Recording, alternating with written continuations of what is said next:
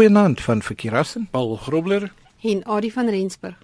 En ons wou verlede week aan die einde van die program weet wat is BSD en Adie jy wou toe raad gee maar toe ons tyd op nee.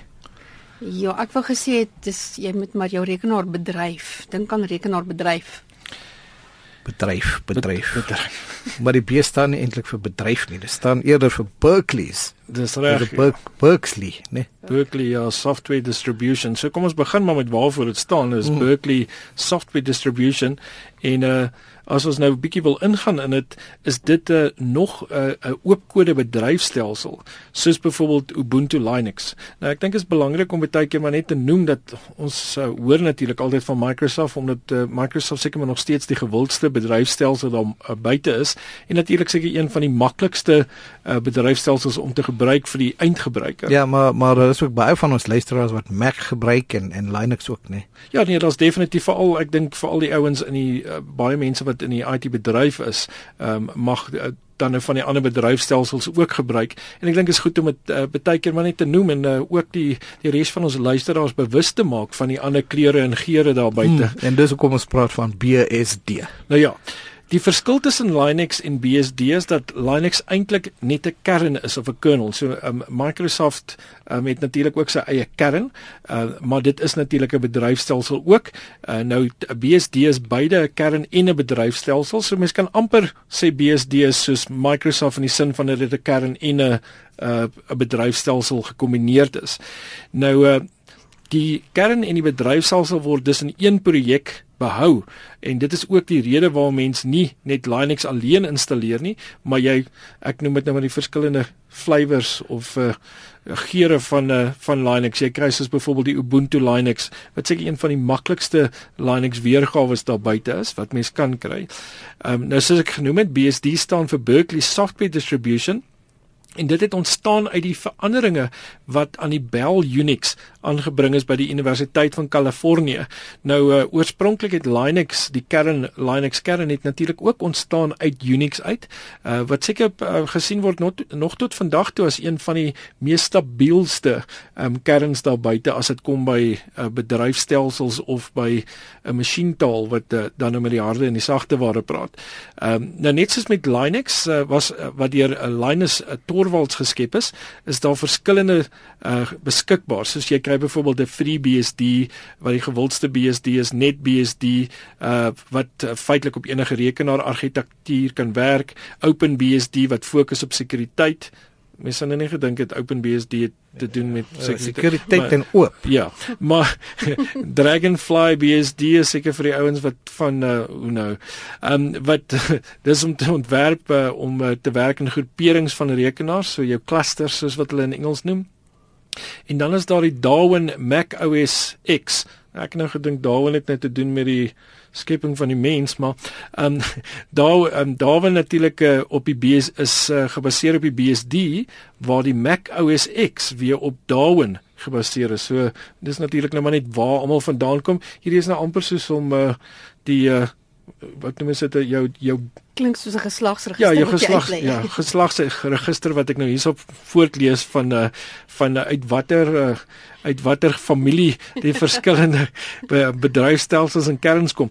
Maar dit is interessant om te weet, uh, dalk nie vir die gewone luisteraar daar buite nie, maar ek dink baie ouens wat uh, wel, ek dink is belangrik om te weet baie keer, net soos wat mense maar baie keer wonder oor waar kom jy vandaan en uit watter geslagsboom of geslagsregister waar wie's jou oupa en ouma? Hierdie is nou so 'n klein um afbreek van dit. Um BSD is gebruik dan die BSD lisensie net soos Linux die um, GNU of die General Public License of GPL gebruik. Um indien 'n programmeerder die BSD kern of die BSD verspreiding verander, is dit nie nodig of verpligtend om die kode daarvan vry te stel nie, terwyl dit verpligtend is om die kode vry te stel indien enige veranderinge aan die Linux uh, kern aangebring word. So daar's een van die verskille. Um, en dis nou meer vir die ouens wat nou letterlik in die agtergrond werk met die wat nou meer tegnies uh, met die bedryfstelsels werk. Beide Linux en BSD is dan oop kode wat beteken is gratis beskikbaar. Enigiemand kan die kan die kode in die hande kry maar natuurlik in verskillende opsigte. Uh, mens kan dus BSD gebruik um, en nie die kode vrystel nie net soos Apple Mac OS X en uh, iOS op BSD gebou het en die kode daarvan nie vrygestel het nie. Ehm um, so het Google Android weer gegaan en dit gebou op die Linux kern en die kode wel vrygestel. So daar's nou maar net twee verskille en dis natuurlik bedryfstelsels wat ons almal daar buite gebruik. So om te dink nou hier agter hulle sit pappa en mamma wat nou die BSD is en natuurlik die meer gewilde bedryfstelsels die uh, Apple Mac OS X, die iOS en natuurlik selfs die Google Android um, wat daar buite beskikbaar is op baie van ons fone en tablette deesdae. Hmm. Goed, interessante goed uh, veral vir ons luisteraars as meer tegnies is, nê. Maar uh, al die uh, ek sou aanvaar BSD het sy eie webwerf ook. kan jy glo, dit is daar ja. Ehm um, dit is eenvoudig www.bsd.org. En natuurlik kan 'n mens meer gaan lees oor ehm um, BSD by en.wikipedia.org/wiki/berkeley software distribution, alles met daai onderstreepies by. Uh in die woorde en dan is daar natuurlik ook weer www.howtogeek.com 'n artikel wat vir wat meer hieroor handel vir ons geeks daar buite is dit. En natuurlik kan jy hierdie skakel kry by ons webwerf rsg.co.za by die uh Jila tyd gaan soek net daar vir die rekenaar rubriek en daar's al hierdie skakels en waaroor ons gesels beskikbaar. Ek wil net noem dat eh, soos jy het soos jy het reg gesê het, Paul, meeste mense gaan nie belangstel in BSD om dit te installeer nie, want onthou net as jy sou free BSD wou installeer, dan gaan jy ehm um, dan gaan jy jou eie dan gaan jy 'n GUI nog moet installeer, 'n ja, graphical user interface. Ja, jou basies jou sagte waar of jou dit wat met die rekenaar praat amper. Hmm. Tussen jou en die rekenaar praat dat jy kan verstaan ja. wat jy besig is om te doen. 'n talk as sulks. Ja. ja. nou goed, uh, Rihanna het vir ons geskryf. En uh, sê vir weet hoe mens LinkedIn kan gebruik om jou besigheid te bevorder. Nou sosiale netwerke is uh, is steeds baie gewild om besighede te bevorder, né? Nee, soos Facebook en sulke goed. Definitief ja, ek wil daar so 'n hele paar besprekings oor natuurlik die gewildheid van byvoorbeeld Facebook en natuurlik meer so Twitter op hierdie stadium wat uh, ek dink definitief in die voortou is as dit kom by uh, sosiale netwerke en om jou uh, besigheid te bemark. Uh, maar natuurlik LinkedIn um, ook een van daai definitief gewilde uh, um, webwerwe wat mens kan gebruik. Ja, en dan Rihanna is nie die enigste nie. Um um Frans het ook nou die dag vir my dieselfde, wel dieselfde tipe vraag gevra. En ons het al van tevore ook al um toe ons gepraat het nou onlangs oor Pinterest. Toe daar staan ook 'n webwerf wat vir jou kan sê hoe kan jy jou besigheid bevorder op Pinterest byvoorbeeld. Hmm. So hier om om op LinkedIn te bevorder, is daar 'n hele paar wat 'n mens kan gaan oplees.